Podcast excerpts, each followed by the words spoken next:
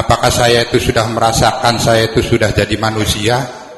Jangan-jangan saya itu merasakannya seperti binatang atau setan. Kalau kita berbicara tentang manusia itu sangat unik. Mungkin saya berbicara tentang antropologi, tentang biologi, tentang neurologi, tentang psikologi. Ini sangat unik sekali, Bu ya. Jadi definisi atau terminologi daripada manusia itu sendiri itu seperti apa? Mohon penjelasan. Ya begini, saya bertanya, kamu siapa? Jawabnya Soekardi, kan begitu? Bukan, saya tidak nanya nama kamu. Kamu siapa? Saya orang jengkok. Saya nggak nanya asal usul kamu kok. Kamu siapa? Saya pegawai swasta. Saya nggak nanya pekerjaan kamu kok. Kamu siapa? Saya lelaki yang separuh baya. Saya nggak nanya umur kamu kok. Sampai sekarang ketika aku bertanya siapa kamu, tidak ada seorang pun yang bisa menjawab sesungguhnya siapa dia itu. Yang kita tanya zatuka, zatmu. Ya kan semacam itu. Ya. Nah, ya kalau yang kita lihat mah itu adalah casingnya kamu itu dan itu adalah fasilitas-fasilitas yang kau miliki dan itu siap bekerja sesuai dengan perintah zatmu itu. Nah, mana yang zatmu itu? Kamu sendiri juga lupa siapa kamu itu. Ingat nggak dulu? Kata Allah wa akhadna ala bani adam min zuhurihim dzurriyyatahum. Cuma apa? Asyadna ala anfusihim alastu bi rabbikum? Qalu bala. syahidna. Dulu Allah telah mempersaksikan mengambil satu eh, apa komitmen ya perjanjian dengan kamu.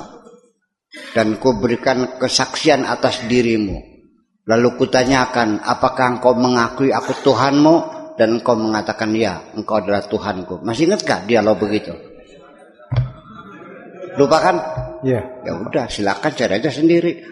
Nah kalau anda sudah tahu ya berarti anda sudah tahu tentang dirimu sendiri. Itu persoalannya. Ingat enggak Ya. nah kalau begitu ya kalau enggak ya berarti masih linglung. Masih linglung.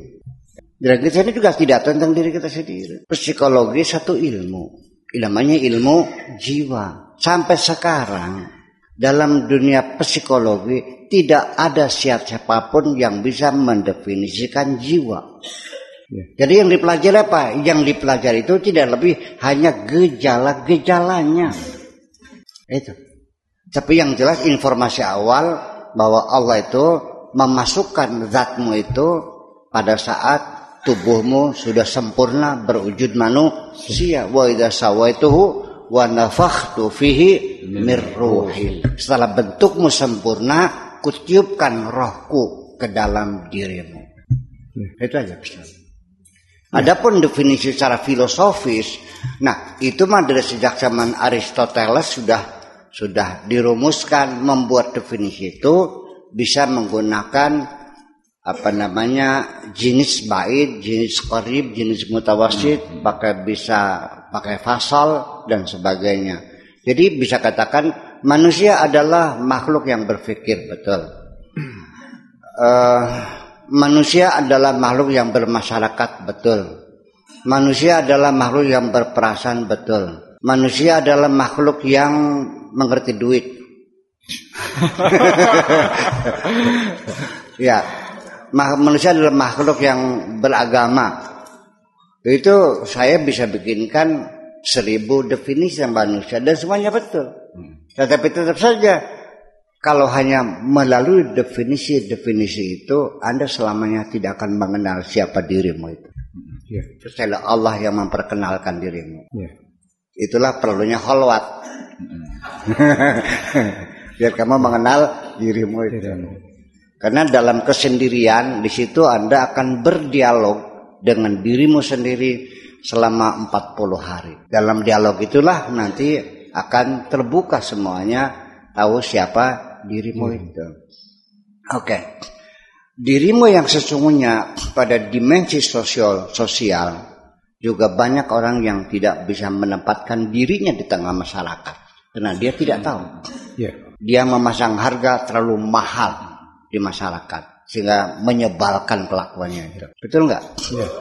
Dimensi pemikiran banyak nggak orang goblok ngerasanya pinter? Banyak.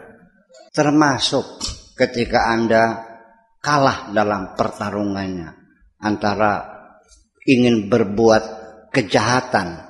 Di situ terjadi pertarungan. Ada pihak-pihak lain yang mencegah kamu supaya jangan berbuat jahat. Kenapa dalam pertarungan itu kamu kalah? Akhirnya melakukan kejahatan. Ini sangat misteri sekali dalam manusia.